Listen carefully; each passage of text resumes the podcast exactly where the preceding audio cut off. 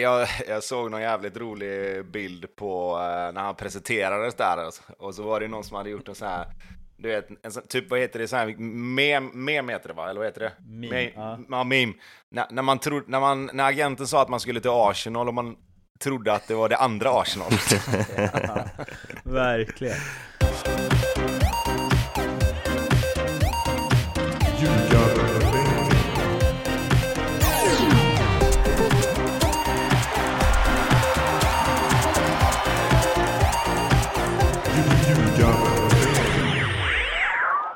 Det här är Ljugarbänken i samarbete med NordicBet och det är allsvenskt fokus igen efter en EM-månad som slutade som den slutade.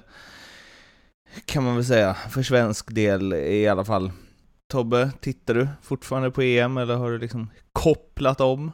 Nej, jag kollar på EM absolut. Eh, jag satt uppe och följde Eh, Italien, Spanien igår med...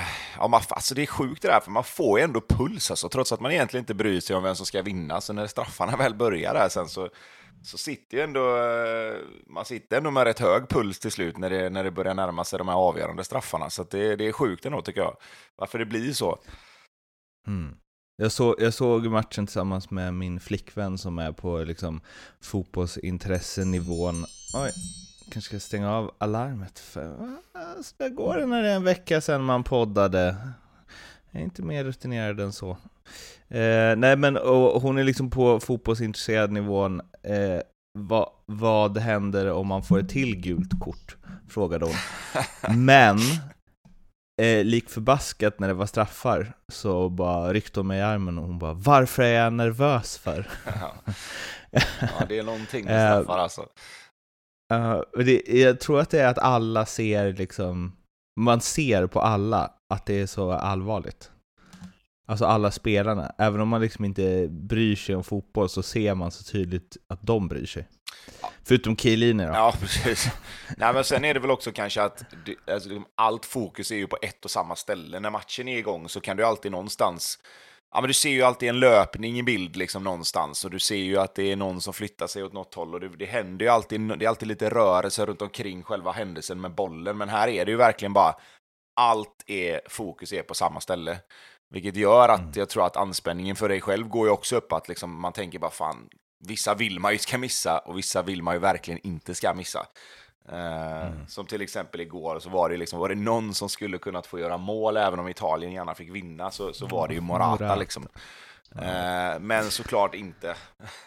det, det var ju själva fan att han skulle missa just liksom. Bobby, eh, England eller Danmark? Engelsmännen, rakt av. Det är liksom inget snack om det. Jo, jo, fasen. Fotbolls coming Men home, är det inte det vi har hysterat, eh, eller skrikit här nu i flera veckor här nu? Nej, det vore jäkligt coolt om eh, britterna, britterna, engelsmännen tar sig till final. Då får vi en jäkla fin final också. Jag, Så jag det- köper hypen med Danmark, absolut. Det är ju svincoolt med hela den eh, historiken där med eh, Eriksen. Och det vore ju någon jäkla saga, men fasen, en semifinal det får räcka. Ja, vad, ehm, såg ni den flaggan där, den italienska? När det var någon som hade skrivit eh, It's coming home och strykit över home och skrivit to Rome istället. Ja, nej, nej. Ja, det är, det är ju min smak. Det, var, bara, det är värt ett guld. Eh, Såg ni förresten det svaret som Schmeichel hade på... han fick ju en fråga av en engelsk journalist på presskonferensen. Vad, Mhm. han, vad han tyckte om att eh, vara med och kanske förstöra det här. eh, it's, alltså hindra att It's coming home. Och då sa han ju bara “Has it ever been home?” ja, ja, grymt. och, och, och då säger ju han, den där journalisten, typ “Ja, men VM, eller 1966 var det hemma” och han bara "Ja, “Men var inte det VM eller? Den, det har väl aldrig varit hemma?” alltså bara, Nej. eh, så att det var jävligt, jävligt smart och jävligt fyndigt svar tycker jag. Jag skrattade som fan när jag såg det. Ja. Det är ju, eh, ja, de är speciella där, eh, engelsmännen. Det är otroligt vad de liksom Ja, jag vet inte. Jag vet inte om jag tycker synd om dem för det, eller om jag bara hoppas att de liksom aldrig någonsin eh, ska vinna någonting. Eh, jävligt eh, kluven. På sätt och vis vill jag också ha en final som du sa Bobby, liksom England-Italien, för att det kommer vara fett. Men eh, är det något la äh, lag jag vill ska åka ut mot ett lag som ingen trodde skulle gå till semifinal så är det ju England också. Vad är, vad är du Tobbe? Du har ju lite Alltså jag, jag har alltid, ja men jag har alltid hållit egentligen om man ser på England på så sätt att många av mina favoritspelare genom åren har ju varit engelsmän liksom. Eh, I och med att jag håller på Liverpool och haft favoriter i typ sådana som Steven Gerrard och Robbie Fowler och Michael Owen och lite sådana spelare liksom. Eh, mm. Men jag håller med dig till viss del för att jag tycker de alltid har överskattat sitt eget landslag och det grövsta liksom. Eh, mm. men, men jag tycker kanske att det här laget just faktiskt kanske är så bra som de någonstans hoppas på. Eh, mm. tycker de har gjort det fantastiskt bra. Alltså vissa av de här spelarna som man tycker har varit överskattade innan har ju klivit fram och verkligen varit bra, verkligen. Eh, så att just den här upplagan av England kan jag tycka förtjänar att få spela en final. Eh, sen om de vinner eller inte, det, det återstår ju att se. Liksom. Men det här med footballs coming home, det, det, beror, det, det, tycker jag också, liksom, den förklaringen till vad det betyder ändras ju varje gång om det går bra eller dåligt. För att många gånger så är det så här, ah, men it's coming home betyder att man ska ta hem titeln liksom, eller sådär. Men frågar du någon ibland när det har gått lite sämre så är det bara, nej men det är mer att fotbollen kommer hem till sitt ursprung och liksom sådär. Jag bara, okej, okay, så det beror på lite liksom.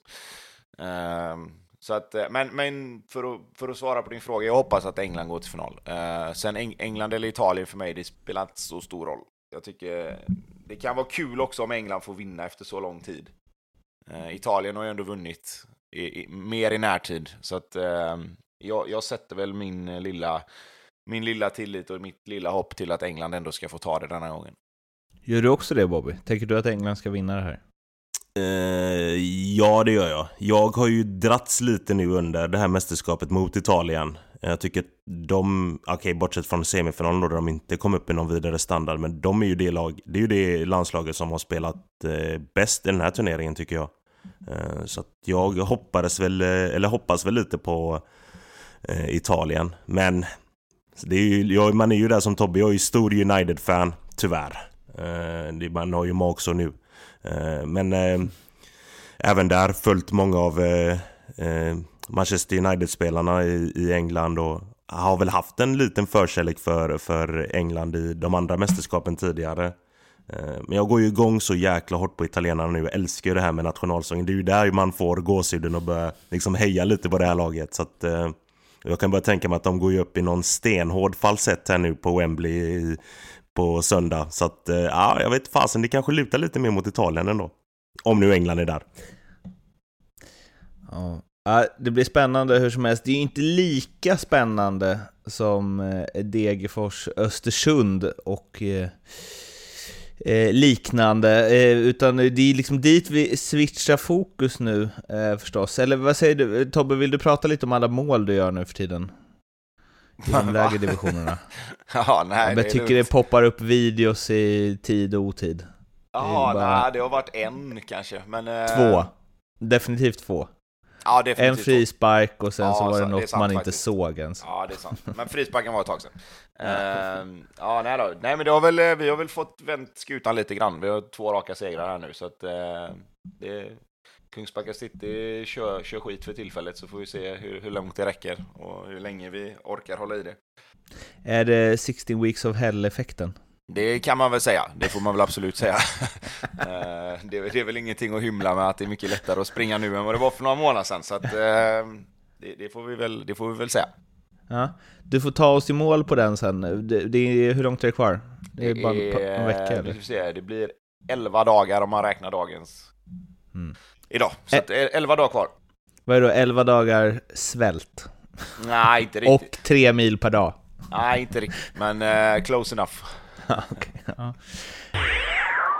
Eh, Norrköping MFF eh, sparkade igång eh, allsvenskan igen efter EM-uppehållet och som de gjorde det får man ändå säga. Eh, det stod eh, 2-2 fram till att det var åh, dryga 10 kvar.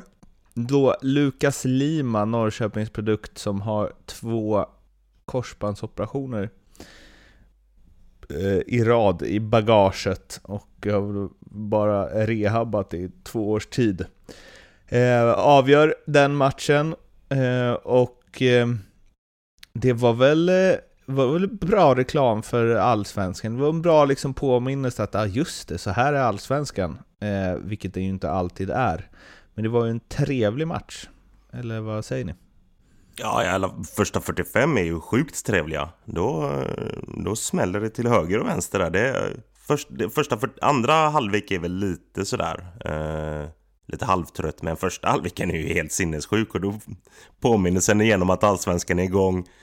Äntligen publiken. Fasen, man gick ju igång så in i helvete där. Eh, det var grymt. Första halvleken bara small också. Grymt kul att se. Det, det känns som det är så himla mycket folk fast det är lite folk. Alltså, det är något när... Dels tror jag att det är att folk är så peppade, men också att man har varit utan det. Nu har man ju sett det i EM, absolut, men det är inte samma sak. Eh, men det känns som att det är 10 000 fast det är 3 000. Och att det blev den första halvlek det blev, det, alltså publiken måste spelat in i det, tänker jag.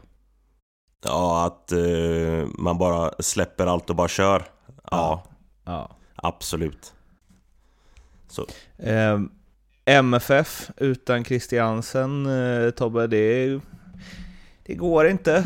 Först var det utan Rosenberg som inte gick, sen försvann han. Då tänkte man att ah, ja, men nu, nu försvinner det syndromet, men det har ju bara flyttats till Christiansen rakt av. Ja, eh, alltså det, det som jag tycker är, är lite konstigt, eh, det är ju att man inte under under uppehållet här nu då kanske har försökt att, att, att, luta sig lite mer åt ett spel som kanske inte är lika beroende av Anders Christiansen. Sen, sen är det så här, alltså, det är en match som vi snackar om. Liksom. Vi, vi pratar om Norrköping borta som kanske är en av de svåraste matcherna också att, att spela även för Malmö. Liksom. Så att man ska inte, man ska liksom inte eh, måla fan på väggen och liksom säga att Malmö inte är någonting utan Anders Christiansen. Det här var en match som kunde gått lite åt båda hållen liksom. Så nu borde jag vara mer påläst här, men är inte, har de inte ett helt bedrövligt facit? Jo, det är, väl, det är väl det de har. Alltså, mm. och, och, det är väl det som är det mest fascinerande, att, att de inte lyckas liksom att de inte lyckas hitta en väg att gå när han inte spelar. Sen har de givetvis vunnit matcher även när han inte spelar, men han är viktig för sitt lag och det är klart att tar du bort en av allsvenskans, kanske till och med allsvenskans bästa spelare från vilket lag som helst, så är det klart att det kommer märkas.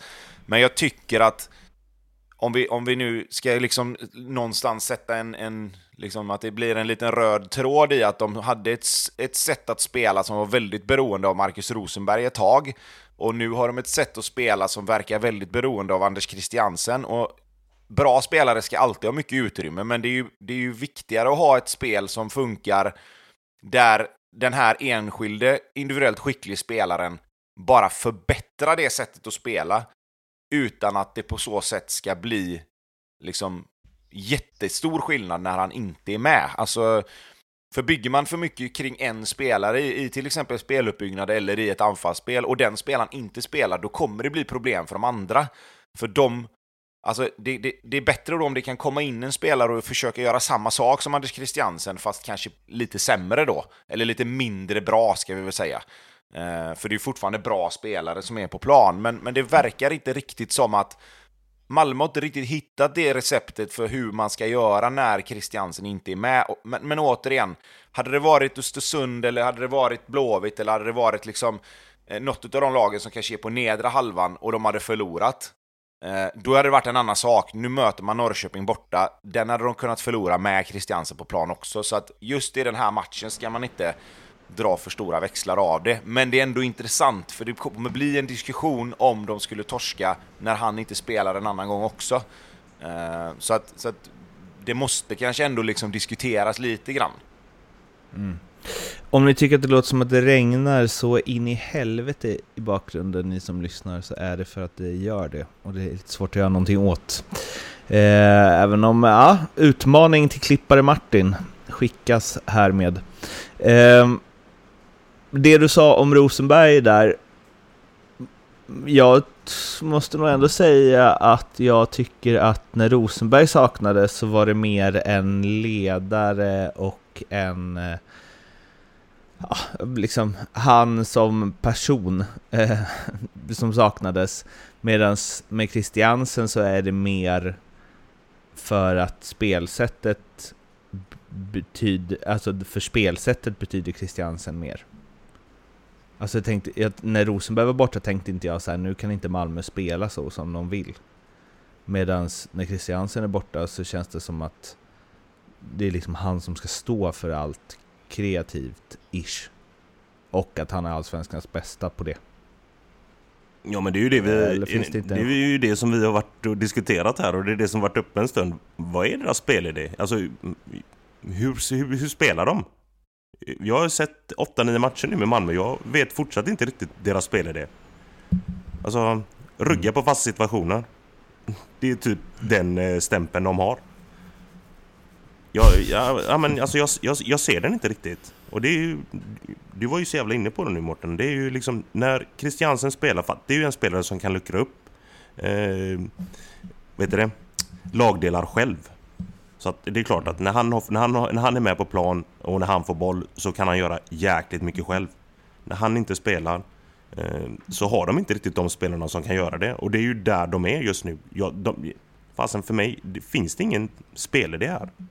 Så enkel är den. Ska man, ska man vara, alltså om man ska leta grejer, men jag har ju haft min liksom, vem som helst kan träna Malmö FF för de har en överlägsen trupp och borde vara mer överlägsna än vad de är grej. Det har jag liksom Ja, den har du kört, kört ett tag, så jag håller...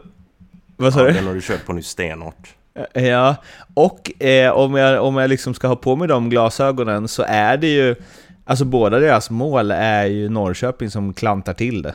Eh, framförallt, eller nej båda är ju liksom grova misstag som de har individuell skicklighet som eh, fixar. Eh, så skulle man kunna säga om Aris Gulasons mål också för Norrköping att Malmö kanske borde, kanske borde varit någon att stöta där i det läget. Eh, men eh, de andra två Norrköpingsmålen, det är ju liksom bra prestationer. Det är ju inte MFF som bjuder Norrköping på det på något sätt. Eh, ja, och, alltså, ja. Kanske. Jag tycker, jag tycker första målet är dåligt försvarsspel av eh, Knutsen. Han springer och tittar, han får ju bollen, man får aldrig släppa bollen på insidan där. Där måste han ju, där måste han ju låta, vad heter det? Eh, vem är det som, det är väl, vem är som kommer på kanten där? Det är Linus Wahlqvist, Wahlqvist. va? Eh, han måste ju ha mer fokus på att stänga insidan där. Mm. Det är ju sån generalmiss som, som man inte får göra liksom. Men det är inte liksom snubbla med bollen så att Nej, nej, nej, nej, nej. Men, men jag menar, jag tycker det målet är mer en försvarsmiss än Skulasons mål, för Skulason är rätt långt ifrån alltså. Det, visst, man kan gå upp, mm. du kan alltid gå upp och stöta lite mer, men den tycker inte jag man kan lasta någon spelare för. Då, då tycker jag hellre att det målet är det målet är mer en miss i så fall i försvaret än vad, än vad Skulasons mål är. Mm.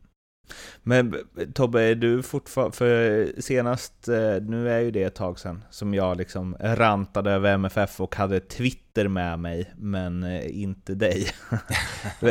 är du fortfarande på att liksom, ja men, de, Jon Dahl Tomasson har något ändå? Nej, men alltså jag tycker, alltså man kan väl säga så här, jag tycker ni är lite hårda på så sätt att jag tycker att man kan se vad Malmö vill göra. Sen kanske de inte får till det på samma sätt i den här matchen, eller har fått till det på samma sätt när inte Ola Toivonen och Christiansen har varit med. Men jag tycker fortfarande att man, att man kan se rätt tydligt att lika, lika väl som Sverige, som vi har pratat om, vill hitta upp på en forward diagonalt och sen tillbaka till en offensiv mittfältare. Men det är klart att det är skillnad när den offensiva mittfältaren som får bollen är Ola Toivonen eller Anders Christiansen kontra om det är Adi Nalic eller, eller Rakip eller, eller Vagic eller vem det nu än är som hamnar i den positionen. För att den individuella kvaliteten på de spelarna är inte lika hög som på Toivonen och Christiansen, vilket inte är så konstigt. Eh, men att den, den, alltså den idén tycker jag ändå man kan se. Sen är ju frågan då kanske snarare om det räcker att ha det som alternativ, eller vad man ska hitta på. Kanske behöver mer än så. Eh, men jag tycker fortfarande att, alltså nu, nu blir det liksom så här, nu, nu går vi in i den här matchen precis som att ja, Malmö har tappat allt och Jordal Thomasson har ingen spelidé för att han har förlorat borta i en jämn match mot Norrköping. Liksom. Och jag tycker det, det är lite orättvist kan jag tycka. Nu, nu blir det det här, man sitter och försvarar Malmö och hela hjärnan vill sprängas bara. Men eh, alltså, jag tycker, jag tycker fortfarande att man, man, får titta på vilken match det är också. Uh, att Malmö kommer förlora någon match här och där, det, det, liksom, det tycker jag man någonstans... Jag förstår att Malmöfansen inte kan acceptera det, men vi som är neutrala måste kunna titta lite nyktert och se, okej, okay, som jag sa, hade det varit mot ett lag på nedre halvan och det hade varit liksom en jämn match och de hade förlorat, då är det en helt annan sak tycker jag. Här möter de ett lag som, liksom, de, Norrköping är ju, är ju liksom nu är de en bit ifrån rent poängmässigt, men jag menar vinner de sin hängmatch så har de tre poäng upp till, till toppen och kommer vara med och slåss i toppen antagligen. Och då är det ingen katastrof för mig som är neutral att Malmö förlorar mot Norrköping, tycker inte jag. Vårens eh, missräkning nummer ett, eh, BK Häcken, eh, rivstartade ju nu, får man säga. Slog Gnaget med eh, 2-1 och eh, ja, ny tränare med Högmo och, och sådär efter att Alm lämnat. Ehm, fanns det någonting i, hos dem, förutom resultatet, som visar på att de fått ordning på grejerna? Ja, kanske inte just eh, den här matchen ska jag inte säga. Det är, det är ett ställningskrig där ute. Eh, första halvleken är ingen bra första halvlek. Eh, sen andra halvleken är, är ju fin. Och, eh, det är ju jäkligt kul med, eh, med Wålemark. Jag tycker det är en intressant spelare som de ligger inne med där. Eh, som får, får ett mål och sen Ali Josef också som fick starta istället för Jeremejeff som får göra en balja. Och det är kul att Högmo eh, ger de här lite yngre grabbarna eh, chansen här nu och de, de tog ju den. Eh, sen AIK, ja herregud alltså det där var, det var jobbigt att se. Fasen. Här har man ju suttit nu och gnällt lite på eh, våran högerkant i svenska landslaget, AIK-spelarna. men så vet man hur betydelsefulla de är för AIK. Och det var jättetydligt i denna matchen. Tyvärr. De behövs något så jäkligt. Va, vad gör, eller är det rättvist, eller vad man ska säga, att så här, alltså vi pratar om att Malmö saknar Christiansen för att Danmark är kvar i EM, men när EM-spelare för Sverige kommer hem och inte är fit for fight och så, alltså det blir inte det lite märkligt? Ja, men, det, ja, eller vad, men vad, ska, vad ska man göra åt det liksom? Eh, det är ju så det blir när Sverige har vår, höst liksom. Eh, mm. Mästerskapen är ju anpassade för, efter att spelas under ledigheten för de stora ligorna, vilket någonstans det måste vara, tänker jag. Annars får man ju spela mitt i vintern och det går ju inte heller. Uh, och, och, jag menar, det, det, är ju samma egentligen för... Det är samma egentligen för alla lag som har EM-spelare med. Nu är det ju inte supermånga från just Allsvenskan. Uh, men visst, jag kan, jag kan köpa att det blir en viss fördel. Jag menar framförallt i en sån här match då när, när, när eh, AIK tappar två stycken, Malmö tappar sin bästa spelare. Mm. Men, men det är väl någonstans priset man får betala för att man har bra spelare i sin trupp. Mm. Jag vet inte riktigt vad man ska göra åt det. Eh, det skulle ju vara att ha ett ännu längre uppehåll då kanske, men jag menar samtidigt, Anders Christiansen, han, han kommer ju vara fit for fight när han kommer hem, för han har ju liksom inte lirat någonting. Mm. Det, där handlar det ju mer om att Danmark har gått lite längre än vad man kanske trodde då. Eh, i, i, Sveriges fall så visste man ju att Lustig och, och Seb Larsson skulle Ja, de skulle kanske behöva någon vecka i alla fall innan man kan kasta in dem helt och hållet när de kommer hem då. Eh, så att det, det, är väl, ja, som sagt, jag vet inte riktigt hur man ska lösa det problemet mer än att man ska ha ett längre uppehåll då kanske, men då kommer du dessutom då kommer du få spela mer och tajtare matcher när du väl drar igång sen, så det, det kanske inte heller är något alternativ. Vad, AIK, var har vi... Jag, jag såg ju dem lite som en outsider till att slåss om guldet inför, att jag tyckte att de hade liksom gick väldigt mycket under radarn och ja men, har något bra ändå.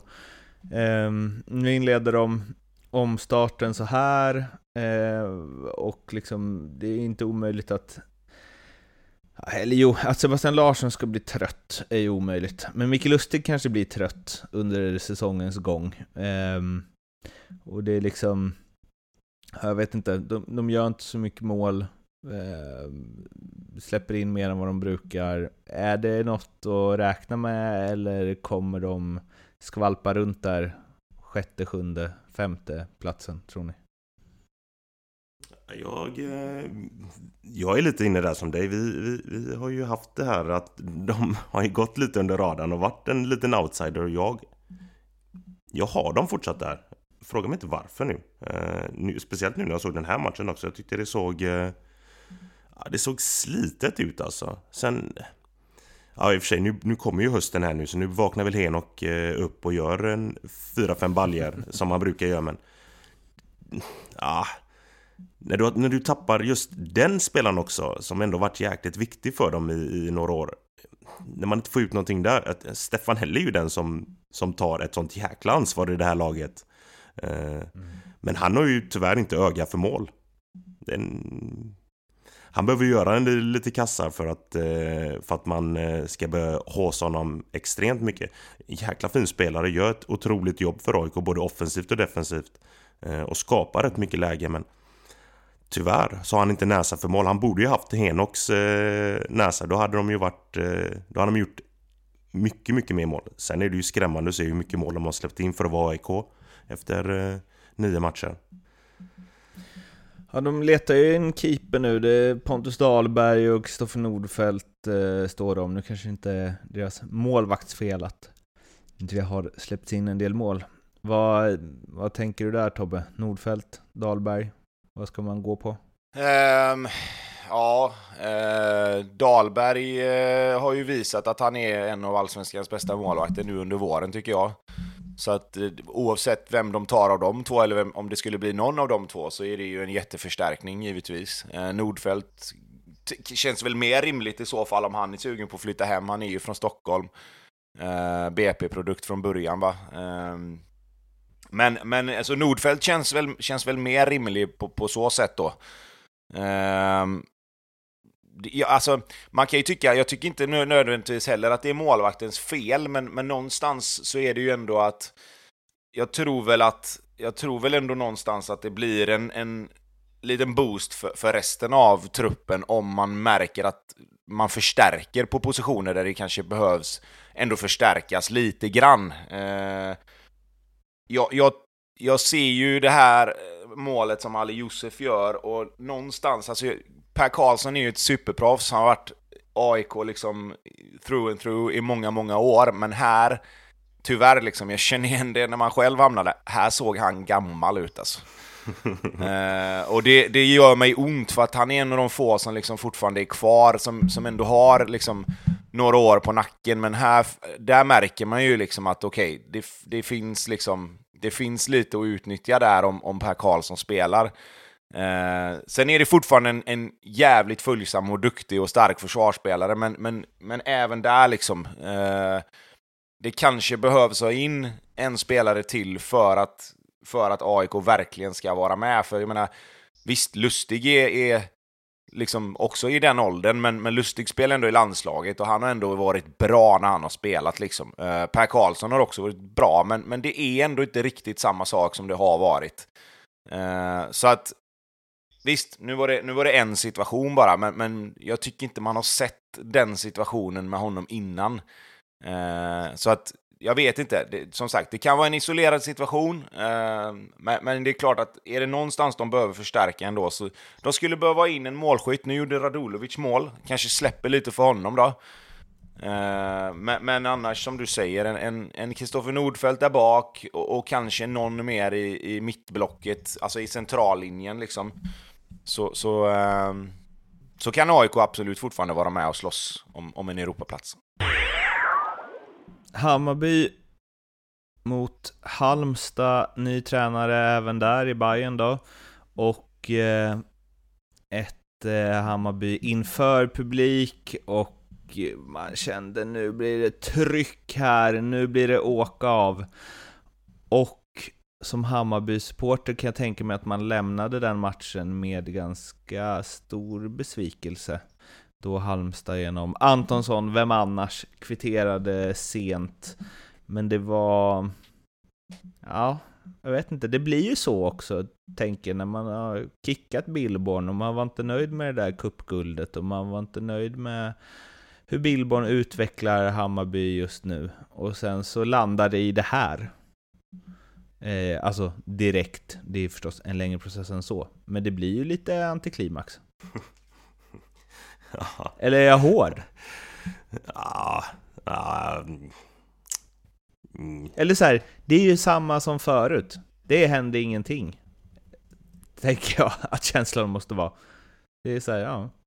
Så, kryss. Det spelar vi under Billborn också. Det var därför han fick gå. typ. Ja, ja, men processen är väl lite, lite längre så här eh, för, för Hammarbys del. Vad har ju länge varit där nu? I någon månad. Jo men det är som att de har börjat om med någon ny jävla process nu. Vad då ska den ta tid? Ska Bayern ligga, ja, då är det okej, då vaskar man den här säsongen liksom. När man tar in en ny tränare. Alltså det blir ju nästan så, för helt plötsligt finns det en ursäkt att kryssa mot Halmstad. Vi har ny coach. Det får ta ett tag. Jaha, men kunde vi inte bara kört klart med han som ändå var helt okej innan då? Ja, Alltså, alltså, om ni förstår vad jag, jag, menar. är helt med på vad du menar. Jag, jag tycker fortsatt att eh, den är märklig att de kastade Billborn sådär. Eh, så att, eh, ja, men det är klart, nu bygger de ju den här eh, lilla ursäkten här med ny coach, det tar sin lilla tid, 1-1 hemma mot Halmstad, vänta och se, det kommer hända grejer med den nya coachen var, typ sådär. Skitmål de släpper in också, eh, 1-1 målet. Typiskt. Det är, ett, det är ett riktigt skitmål. En långboll in i straffområdet som de inte ens kan vinna första och andra bollen på. Ska ju aldrig få ske i 91 minuten. Och det är väl där de är igen då. Eh, med sin lite halvtaskiga def. Tyvärr. För de är ju någonstans, de låg ju på och skapade chanser, spelade rätt trevligt. Eh, men vinner inte, alltså det, är- det är ju samma. Så har det ju sett ut. De liksom, det är ju så Bayern har varit i år. Väl, Tobbe? Ja, jo, jo, men, men alltså, ja, jag, jag tycker ju att det är alldeles för tidigt att- att säga någonting om, om tränarbyte kontra allt sånt där. Det man, kan, det man kan säga är väl i så fall att de borde vunnit mot Halmstad hemma oavsett.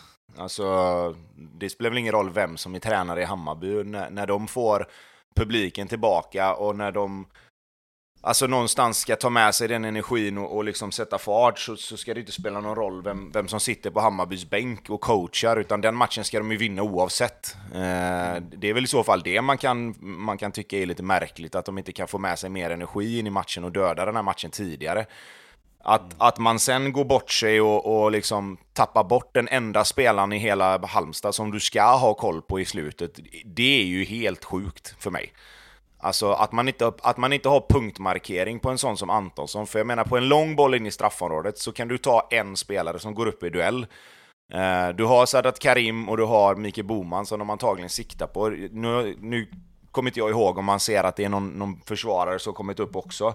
Men oavsett så är det ju helt ofattbart att Marcus Antonsson av alla spelare får stå helt ensam inne i straffområdet på en sån boll. Alltså det är ju bara att han kan ju knappt ha trott det själv liksom. Att han, att han skulle få vara så jäkla ensam i 92 minuten. Det är ju mer det då. Och jag vet inte om det är ett strukturellt problem, att de inte vet vad de ska göra. Eller om det bara är att spelarna är för dåliga. Alltså, de, alltså de defensiva spelarna bara är för dåliga och inte, och inte tar upp sina markeringar liksom. Eh, för, för, Jag kollar på det målet igen nu, det är helt otroligt. Ja, nej, nej. Alltså, det, det, är ju det, det är ju exakt det som Halmstad vill göra. Alltså, man vet ju det, att man vill slå in bollen diagonalt i straffområdet och du vill nicka ner den mot en yta där nästa spelare ska komma. Men du, inte ens Halmstad kan ju tro på att en spelare ska få stå så ensam. Alltså, han, de är ju typ tre mot två centralt inne i straffområdet, Halmstad. Alltså, det, det är helt ofattbart att inte Hammarby har mer folk nere. Ja. Eh, så att, ja, det, men som jag sa, om det, om det sen är en struk- strukturell grej, eh, då kan det vara att de inte har hunnit prata om det tillräckligt på den här tiden han har varit där. Eh, Och är det en individuell försvarsgrej så, handlar det ju mer om att utveckla spelarna och, och få dem att förstå att liksom, så här kan det inte se ut. Alltså, ni måste ta bättre beslut här och det går ju inte heller att så här, ja, Bayern skapar massa chanser och så, brände och Bojanic och liksom Jeppe Andersson sköt hål i luften och så, absolut. Men vad fan, Ostedt gjorde ju en jävla superräddning också. Eh, som också borde varit mål för, från Halmstads håll. Så det är ju, alltså... Jag vet inte, det håller ju inte riktigt heller att så här, Bayern skapar massa chanser, de skulle ha vunnit det här. Ja, Fast det hör ju till att sätta chanserna också. Alltså som du sa Tobbe någon gång, att målvakten är också en del av spelet som är räddningar och ska man då gå det så är det ju också att det är en del av spelet att Bojanic och Jeppe Andersson kanske måste vara lite bättre på att träffa mål. Så, äh, jag vet inte. Jag, jag köper inte riktigt liksom om det nu finns någon sån optimism, optimismen i att Bayern spelade ändå härlig offensiv fotboll. För det har ju aldrig, det har ju aldrig riktigt varit problemet väl? Även under, alltså, inte för att det var så sprudlande som för ett par år sedan, men det är ju inte det som har varit problemet under Billborn heller. Nu på senare tid, känns det som. Att Bayern skulle liksom inte, ja, men inte kunna rulla boll. Nej, det, alltså, det är ju jättetydligt vad eh, det själva problemet har varit under Billborn. Även när de spelade den här fantastiskt sprudlande, härliga offensiva fotbollen. När de gjorde 4-5 framåt. Men fast de släppte in 3-4 varje match också. Så att det var ju ett tydligt problem redan då. Men då snackar man ju bara om, om offensiven. Att den var ju så jäkla frejdig. Då, då är det lätt att glömma det där. Året efter. Spelarna får inte det samma, samma utveckling då är ju defen fortsatt där den är. Eftersom de tyck, det tycks inte som de har tränat på det under de här åren. Då blev den jättetydlig även i år. Och, och vi pratade om det också. Det är, när de hämtade in eh, vad heter han, Fjölason, eh, mittbacken, tänkte man ja okej. Okay. De har ju liksom, de har identifierat ett problem här. Hämtat in en, som vi tycker, en bra mittback. När han lämnade Allsvenskan så var han en av Allsvenskans bästa mittbackar. Ah, oj, vad han ser trött ut han har ju inte alls kommit upp i någon vidare standard och det är klart att fasen, han kanske blir lite synad nu när man verkligen får se eh, kvaliteterna i Hammarby kontra hans kvaliteter. Jag vet inte. Eh, i, när han spelade i Norrköping så var de ju jäkligt starka defensivt och då är det klart att det var ju lätt för honom att falla in i det där. Men ja, det här, det, det är väl han som förlorar duellen också mot eh, eh, Karim, är det inte det? Jag får mig att det är han som tappar nickduellen den nicken som han får nicka in eh, Karim i 90, Alltså han får ju stå och sikta När han går upp i nickduellen i I stort sett. Att, att vem var det som Ja men eh, islänningen där. Uh, Nej det är Jeppe Andersson tror jag ja. som förlorar uh. Fasen Nej in... det är det inte heller, det är Jas Ja ah, okej. okay. Som torskar. Fasen in på kropp, in och känn kan inte stå och få sikta där i 91 minuten men, men där har du ju en sak då, liksom att då är det vänsterbacken som tar den första duellen. Mm. Då har du ändå två mittbackar som någonstans ska plocka upp resten. Båda Vad, har Boman. Ja, precis. Och då, där har du ju då, då är det ju frågan om det är individuellt, att båda två tar ett individuellt beslut att gå på Boman. För att det är klart att de inte ska göra. Det, det finns ju ingen anledning att båda mittbackarna ligger och markerar Mikael Boman. Alltså, det, det, är ju inte den första nicken i det här skedet som kommer bli den farliga, utan det är ju den andra liksom. Och då kan jag tycka liksom att om inte en mittback är tillräckligt nära eh, Sadat Karim så, så, så må det vara hänt liksom. Men se då till att plocka upp resten. Alltså då har du ju hela, hela vägen när bollen är i luften så har du ju tid på dig att titta, okej, okay, vart är Antonsson, vart är Boman, vart är, vart är resten liksom? Så att, ja, jag vet inte. Jag tycker, jag tycker så här att om det är en mittback som, vi som man tycker är bra, som inte är så bra som man kanske trodde, då, då, är det ju, alltså det finns ju två alternativ. Antingen så är han inte så bra som vi trodde längre, eller så är det att han, han blir synad för att det strukturella försvarsspelet är för dåligt. Alltså han, han kan inte göra sitt, hans styrke kommer inte fram för att det kollektiva försvarsspelet inte är tillräckligt bra. Eh, och, och det, det, är liksom, det, det, går inte att säga vad som är problemet efter en ny tränare har kommit dit i en månad, men jag tror att är han så bra som, som folk vill ha det sägande liksom och att det är många som hyllar den här killen. så tror jag att det här är en grej som han kommer försöka styra upp relativt fort. Eh, för, för som sagt, det andra kommer nog aldrig vara ett problem. Liksom. Att man missar chanser, det kan man göra. Men, men att Bayern ska få, få liksom att deras liksom, bollrull och anfallsspel inte skulle funkar, det, det, tror jag ändå inte, för det sitter så djupt rotat att det kommer alltid någonstans eh, trumma igång. Men de måste ju, de måste ju vara bättre på, alltså försvarsspelet, ett bra försvarsspel kommer ju göra att anfallsspelet blir bättre också. Så är det ju liksom. Um, så att uh, jag, tror, jag tror ändå vi kommer få se skillnad uh, när, när den här tränaren får identifiera lite grann, okej okay, det här måste vi bli bättre på liksom. Nu har det blivit dags att ringa upp Leopold Neurath på Nordic Bet för att snacka lite specialspel. Tjena! Le Tja. Tjena! Så har du tekniska problem här i vanlig ordning. Vad sa du? Tekniska problem här i vanlig ordning. Mhm. Mm vi hörde att ni pratade EM. Jag tänkte, vi, skulle vi gå in på Allsvenskan direkt eller? Ja men du, alltså... Chic. Ja, Leo, jag ska, jag ska göra så här. Vi har pratat om detta.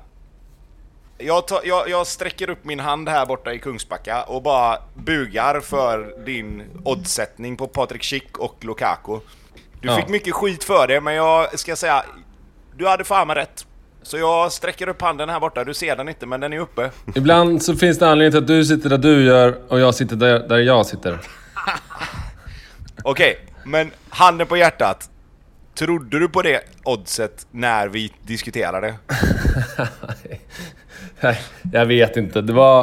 Eh, Fingerspitzgefühl kan man ju kalla det för. Ja, jag, jag, ska absolut inte säga emot dig nu när det blev som det blev. Nej, det är bra. Det är mäktigt Leo. Ja. Det, är, ja. det går ingen kris här borta, men det verkar vara krisigt i Göteborg. Ni göteborgare. Ja, det... Ja, kris är väl tidigt kanske, men eh, visst. Det var väl ingen eh, superrolig återstart på Allsvenskan, det kan man väl inte säga. Nej, men tänk bara på typ eh, Häcken, Häcken Göteborg är en poäng från kval och sen så har vi Gais som är oh. i mitten och sen Västra Frölunda som inte ens finns längre. Du vet, det verkar vara kris. Vad med Frölunda? Det har inte jag hört. Har de lagt ner eller? Nej, men Nej. de var ju topplag i norrätten på 90-talet. Jaha, ja, så menar du? Ja, men vad fan. Det finns väl många... Då finns, ju inte, då finns ju inte Åtvidaberg heller i så fall längre. Nej, precis. Om vi ska utgå ifrån sådana grejer. Ja, nej, men Åtvidaberg finns inte heller längre. Nej. ja. Nej, ja, Gais och ÖIS skiter jag lite i, men Häcken vann ju ändå. Ja, faktiskt. Men de har ändå bara nio poäng på nio matcher. Ja, det är de. Det är de. Fan, vart, är, vart är Nora Strandberg? Ja, det är Nora Strandberg. Hon kan, hon kan göra många reportage där framöver. Eller hur? Ja. Eh, men hade du något dubbel här, eller vad, vad hade du i görningen? Jag? Ja. Ja, men eh, jag tror ju på mig själv som sagt. Inte så mycket. Men eh, jag har att Norrköping ska slå Mjällby borta. Tror att de får en boost av vinsten mot Malmö här nu och, och kommer att fortsätta vinna. Ja. Eh, och sen så tror jag att eh, eh, Elfsborg slår Örebro. Eh, och den kan vi faktiskt lägga med minus 1,5 i handikapp på Elfsborg. Åh oh, fan. Så... Eh, ja, älskar det. Bra. Där har, vi, där har vi den. Det är ett Bobby-spel ja. Ja, den är fin. Wow. Eh, men ja, den, den ger sex gånger pengarna på sajten, men du får väl, kan få lite högre om du vill. Ja. Jag, jag tror Örebro måste väl höja sig lite här snart. Alltså de var ju ganska nära att sätta 1-1 med 20 kvar mot Djurgården. Man tänka på. Ja, men det var ju det där, vi har snackat om det innan här nu idag att man, man, man måste göra mål under sina bra perioder och det gör inte Örebro. Så att eh, jag tror stenhårt på Elfsborg. Ja. Att de vinner den matchen. Ja, 6,50 då. Ja, det blir, vi tar det. Ja. Herregud, ja den... Oh, wow. Ja. Hade du något mer Bobby? Att lägga till ja, där? Fasen. Ja, nu blir min riktigt trött. Ja, jag har ju AIK, jag har ju AIK-vinst och sen Djurgårdsvinst. Ja, jag tror AIK hemma nu. Slänger in lite fans där. Jag, det kommer nog förhoppningsvis få en liten isglas när de vinner. Ja. Eh, sen Djurgården kommer ju trumma på, det är ju som vanligt. Det här året känns så. De, de vinner väl? Naturgräs för Djurgården. Ja, nu går man ju tillbaka till eh, Degerfors-matchen och får kalla kåran. Men äh, fasen, det här löser de. Ja, alright. Säger du det. Eh, 3.40 har vi på sidan. Ja, fan, man är inte ens nära Tobbes odds. Det är ju lite störande. Ska vi säga 3.45 då? 3.50 så är det jättebra. Det, det blir jättebra tycker Bobby. Ja, alright. Men då, då säger vi så då. Ja, du får gå tillbaka Ja. till kik. Ja, ja det ska jag. Jag måste, jag måste gå igenom det här lite närmare här inför finalen. Gör det. Ja. Bra, bra. Hej. Ha det fint! Hej, Ha det gott! Det var alltså Leo hos eh, Nordic Bet. Kom ihåg att spela ansvarsfullt och att du måste vara minst 18 år för att spela. Och behöver du hjälp eller stöd så finns stödlinjen.se. Om AIK och Hammarby kämpar lite så finns det ett annat Stockholmslag som bara öser på. Eh, Djurgården med en eh, hög, hög press. Eh, ja, körde över Örebro, får man ju säga. 3-0. Eh, och Magnus Eriksson fortsätter att vara eh, väldigt, väldigt bra och en ledare på det, eh, på det mittfältet. Och eh, ja, jag vet inte, där, de känns så jäkla trygga Djurgården, tycker jag. Det är liksom, de bara hamrar på, gör det de ska. Det är som att det aldrig varit något uppehåll typ. Ja, ja men... Eh, och det uppehållet fick de ju ändå bekänna lite... Okej, nu var det bara träningsmatcher. Men eh, deras två träningsmatcher, de släppte in fem mål. Sjukt ovanligt. Så att det kanske var att... Eh, eh, Tolle och Kim där försökte pröva lite annat eh, typ av sätt att spela. Eh, men, eh, återigen tillbaks till Allsvenskan. Pulsen är igång. Hemmaplan. Smäller det direkt. Aj, sjukt vad de spelar med en sån jäkla intensitet alltså. Och det har de gjort hela säsongen. Du Tobbe, du var ändå inne där och liksom, ja men Örebro, de har ändå något. Slängde du ut i chatten. När gjorde jag det? Eller? jag har för mig att det var du som skrev det. Det kanske inte var. När då? Eh, Efter den här matchen. Att de skapar ändå ganska mycket men de kan inte göra mål. Ja, det var väl en sanning med modifikation tror jag. Eh, Jaha, okej. Ja, jag, jag läser, tror- du jag kan tror- inte läsa jag- vad du skriver, jag bara Nej, skummar. precis. Det kan, du inte, det kan du nog inte ha gjort tror jag. Nej, det som, det som jag kan ha skrivit var att Örebro ändå skapade, alltså innan 2-0 så hade ändå Örebro, ja, de har en jätte, ett jätteskott från, jag tror att det är Kolander som skjuter i ribban. Eh, och sen så har de en chans till där eh, där de absolut kunde ha gjort mål, så att det, det, liksom, de var inte helt ofarliga. Eh, men, men sen efter det så var det ju inget snack. Eh, det är liksom... Djurgården gör ju det som många andra lag inte riktigt gör, och det är ju att när de spelar bra så gör de ju mål. Mm. Det, det är det som är, det är det som är Djurgårdens stora styrka, tycker jag. Att de kan spela en match där... Alltså det finns ju alltid perioder i matcher där, där lagen, alltså någonstans byter initiativ med varandra. Djurgården har initiativet och sen så får Örebro en liten period där de är bra. Och sen så har Djurgården en, en, givetvis en större period och en mycket längre period där de är bra. Men skillnaden på de riktigt bra lagen och de lagen som inte riktigt får till det, det är ju att Djurgården när de är bra så utnyttjar de sina perioder och då gör de mål. De, de gör mål när de har sina bra perioder. Eh, och sådana lag kommer alltid att vinna mycket fotbollsmatcher. Alltså de kommer vinna för att det blir så jävligt jobbigt att veta att den perioden när vi inte är riktigt lika bra så kommer de här göra mål. Liksom.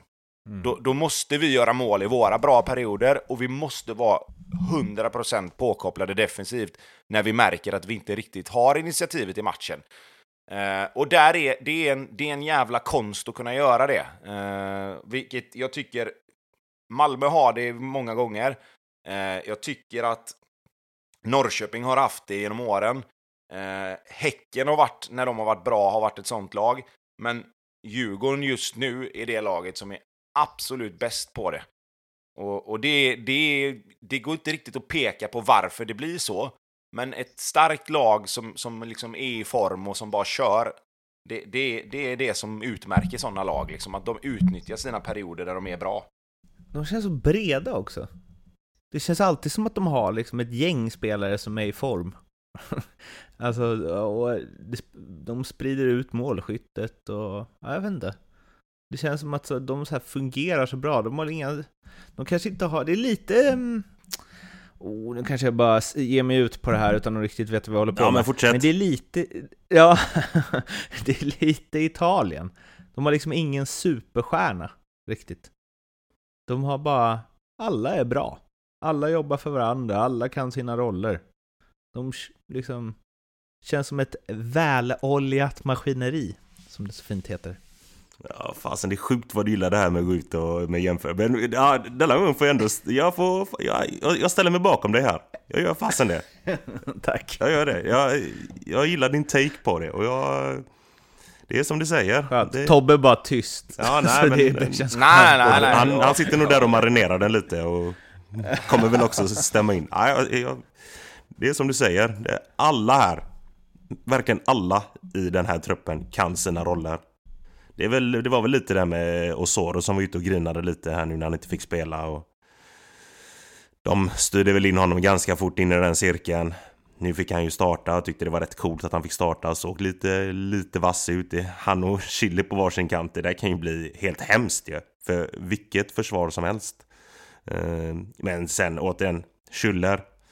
Fasen alltså. Vad är det där för någonting? Han är ju så jäkla bra. Och han gör ju också att eh, Mange Eriksson kan få sin ja, fria roll. För att han är ju alltid där och bara städar. Läser spelet så jäkla bra. Mittbackarna sätts nästan aldrig. Nu hade ju Örebro lite lägen. Men det känns nästan som när Schüller spelar så sätts aldrig försvaret på de här större, större utmaningarna för att han är alltid där och städar. Fasen vad bra han är. Oh. Där eh, identifierar de ett problem jäkligt fort när de tappar sina två eh, in i mittfältet inför den här säsongen och hämtar in honom och han har varit ruggig. Fick jag det sagt. Mm. Italien, Djurgården, Tobbe? Ja, vad fan, det kan väl... Det är, det är inga konstigheter med det. Skönt. Leo var inne på det tidigare, Tobbe, men eh, det är tungt i Göteborg och jag trodde att han syftade på Blåvitt eh, framför allt. Och det är där vi hamnat nu. Stares comeback på sin födelsedag i El Vestico mot Elfsborg och det blir torsk med 1-0 efter att Johan Larsson gjort matchens enda mål. Och Sanna brände straff och... Eh, uh, correction, det är Rönning som räddar straffen. Ja, Rönning räddar. Eh, jag trodde, jag kände så mycket liksom medvind för Blåvitt inför här. Jag tänkte nu, nu vänder det. Nu kommer en fantastisk höst. Kan det fortfarande göra. Eh, men det var väl inte svinmycket i den här matchen som pekar på det. Nej, eller alltså...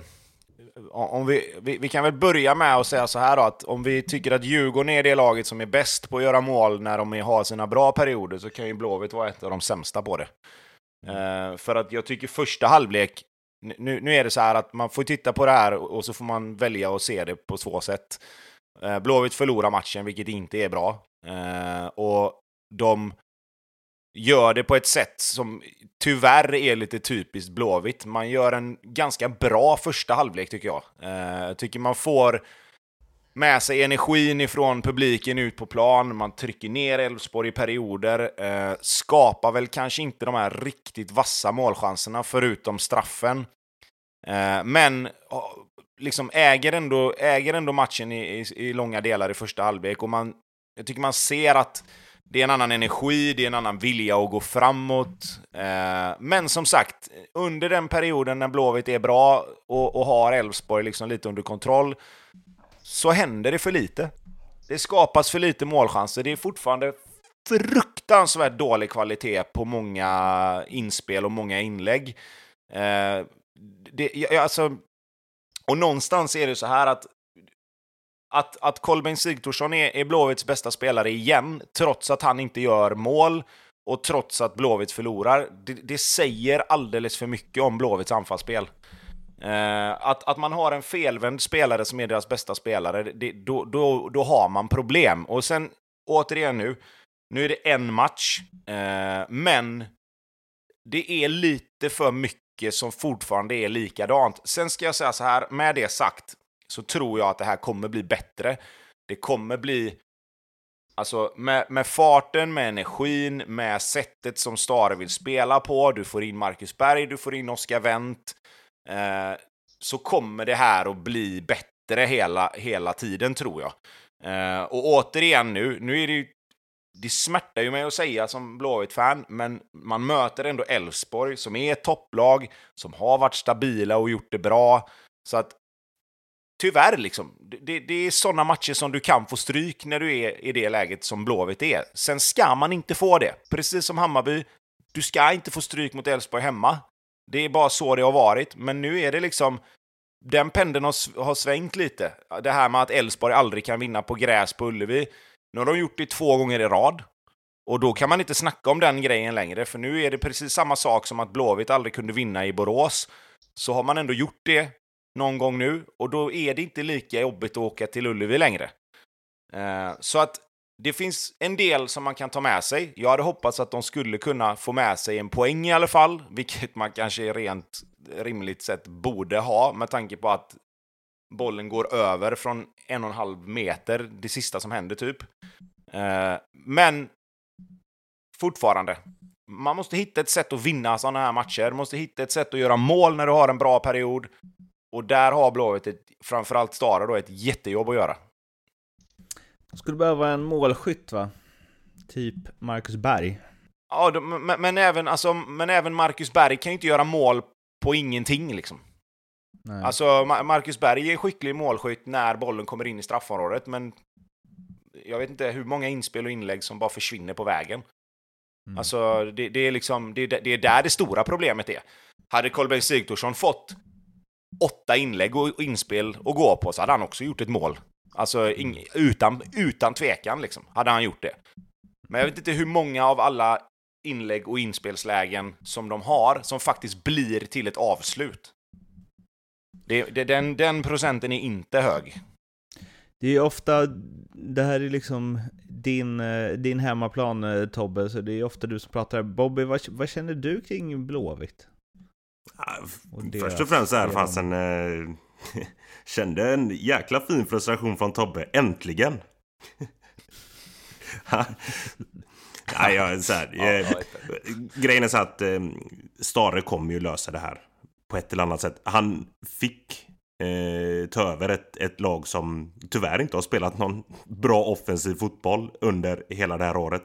Under ett år ska jag säga med Rolle. Eh, han kom ju dit Rolle för att fixa defen. Vilket han kanske gjorde. Han sket ju fullständigt i offen. Det är ju jättetydligt. Eh, även den här matchen. Jag... Eh, det är som Tobbe säger. Det tar väl ett tag att rätta till också? Ja, men det, det, det tar sin lilla stund. Det gör det. Mm. Jag gillade, jag gillade line-upen han kom med här.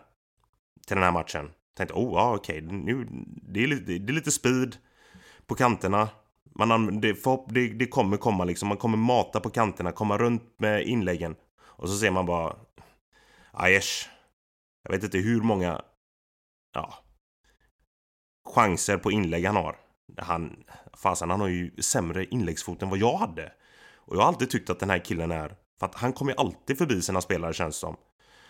När han spelade i Östersund och kom alltid in med inlägg. Och hittade alltid spelare och fick sina poäng och gjorde sina mål. Här har han ju noll utväxling här i Göteborg. Kommer runt sin spelare, dassigt inlägg. Eh, det var många i den här matchen, ska sägas. Speciellt från hans sida första halvleken.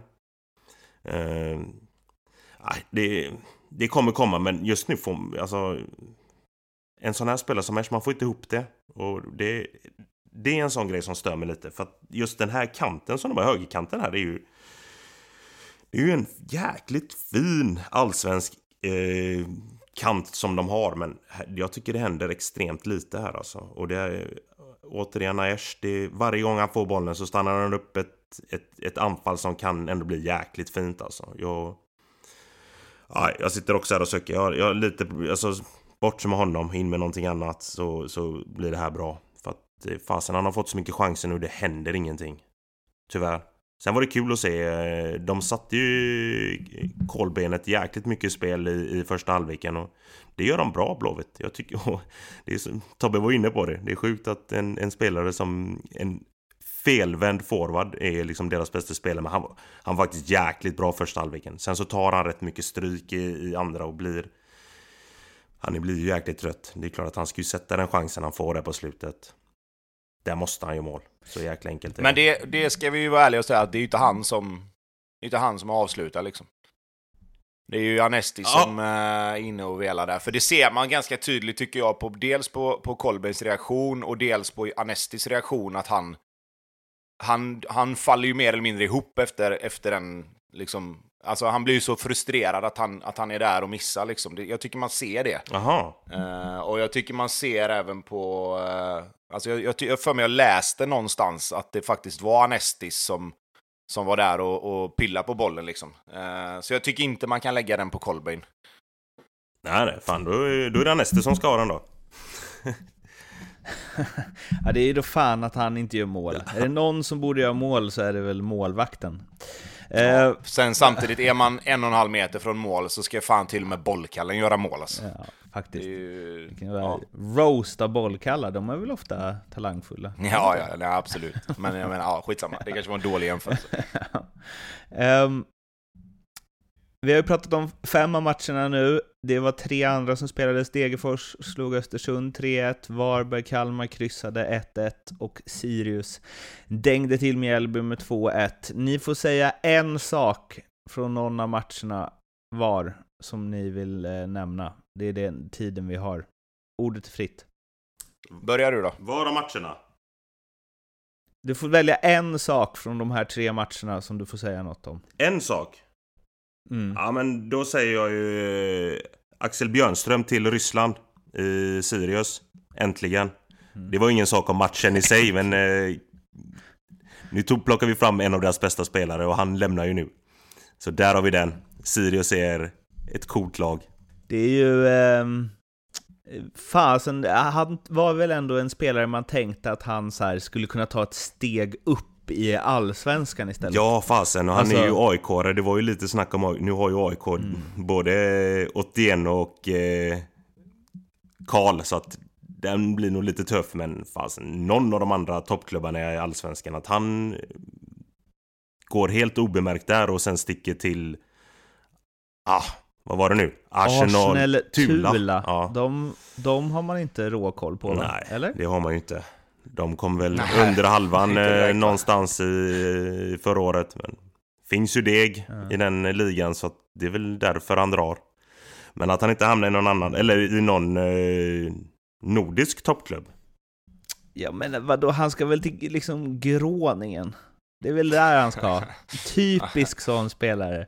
Vad fan, det, så hade det ju varit för tio år sedan. Då hade det ju varit det, eller Heerenveen eller något. Men jag, jag såg någon jävligt rolig bild på eh, när han presenterades där. alltså. Och så var det någon som hade gjort en sån här, du vet, en sån, typ vad heter det, sån här, mem, mem heter det va? Eller vad heter det? Meme, Me- ja. ja, meme. När, när, man tro, när, man, när agenten sa att man skulle till Arsenal och man trodde att det var det andra Arsenal. Ja, verkligen.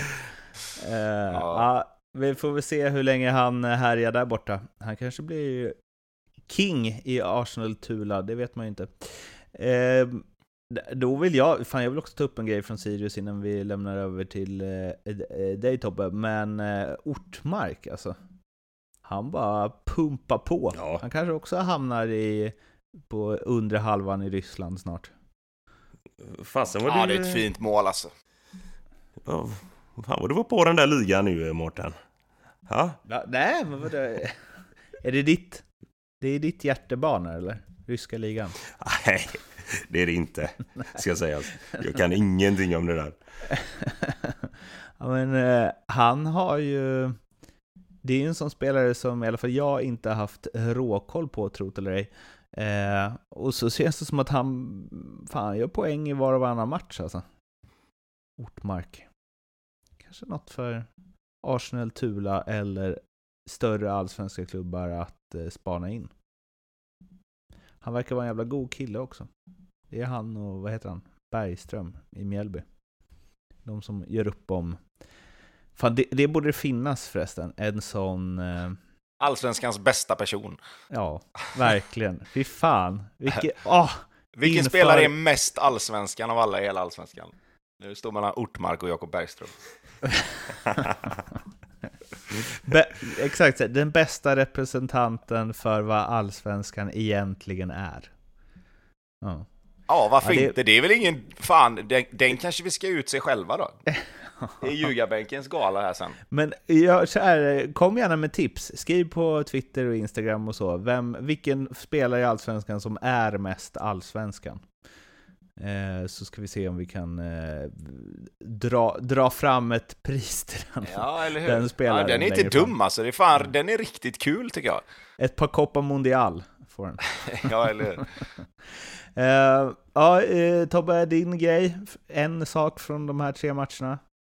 Ja, det blir väl ganska mycket som att slå in en öppen dörr här, men Viktor Edvardsen givetvis. Eh, han fortsätter att vara helt enormt viktig för, eh, för Degerfors. Eh, två assist, ett mål. Eh, fortsätter att, att producera poäng. Efter den här lilla fadäsen med, med att han skulle lämna och, och ville snacka sig bort så har han ju bara borrat ner huvudet och kört. Och, som han har kört. Det känns som att en eller två matcher till i, i, i det här farten nu under, under juli här så kan han eh, bli nästa spelare som, som exporteras ut i Europa från, från allsvenskan. Eh, om inte annat går... Nu är ju Degerfors fan nästan ett topplag tänkte jag säga, så han kanske inte kommer så jäkla mycket högre upp i tabellen så sett, men... Nej, jag hade... ja, eller hur? Eh, nej, men jag, alltså, det är bara, det är bara att lyfta på hatten liksom. Jag, jag hade lite, jag hade lite så här om, om han skulle lösa övergången från, från superettan till allsvenskan innan säsongen. Men han har fan med tagit det steget och gjort det med den äran alltså. Det, han, det är en fan riktigt bra spelare alltså. Det jag får ge han det. Han har tagit den långa vägen och krigat och gnuggat sig fram liksom. Eh, och nu är han ju, han har ju slängt in sitt namn i, i allsvenskans MVP här, tycker jag. Om man, om man ska jämföra med betydelsen för laget kontra hur laget går, vad man trodde att de skulle göra. Så att, eh, nej, som sagt, Viktor Edvardsen eh, fortsätter imponera och han kan nog fan eh, vara såld innan, innan eh, augusti slut om det skulle fortsätta så här liksom. Det var det för det comebackande allsvenska ljugarbänken. Vi finns på Instagram, Ljugarbanken Podcast, och vi finns även på Twitter, så in och följ och eh, skriv till oss. Vem är den, mest, den spelaren i allsvenskan som mest symboliserar allsvenskan? Så hörs vi igen efter nästa omgång. Tills dess, ha det gott, hej då! Ha det bra! Hej hej!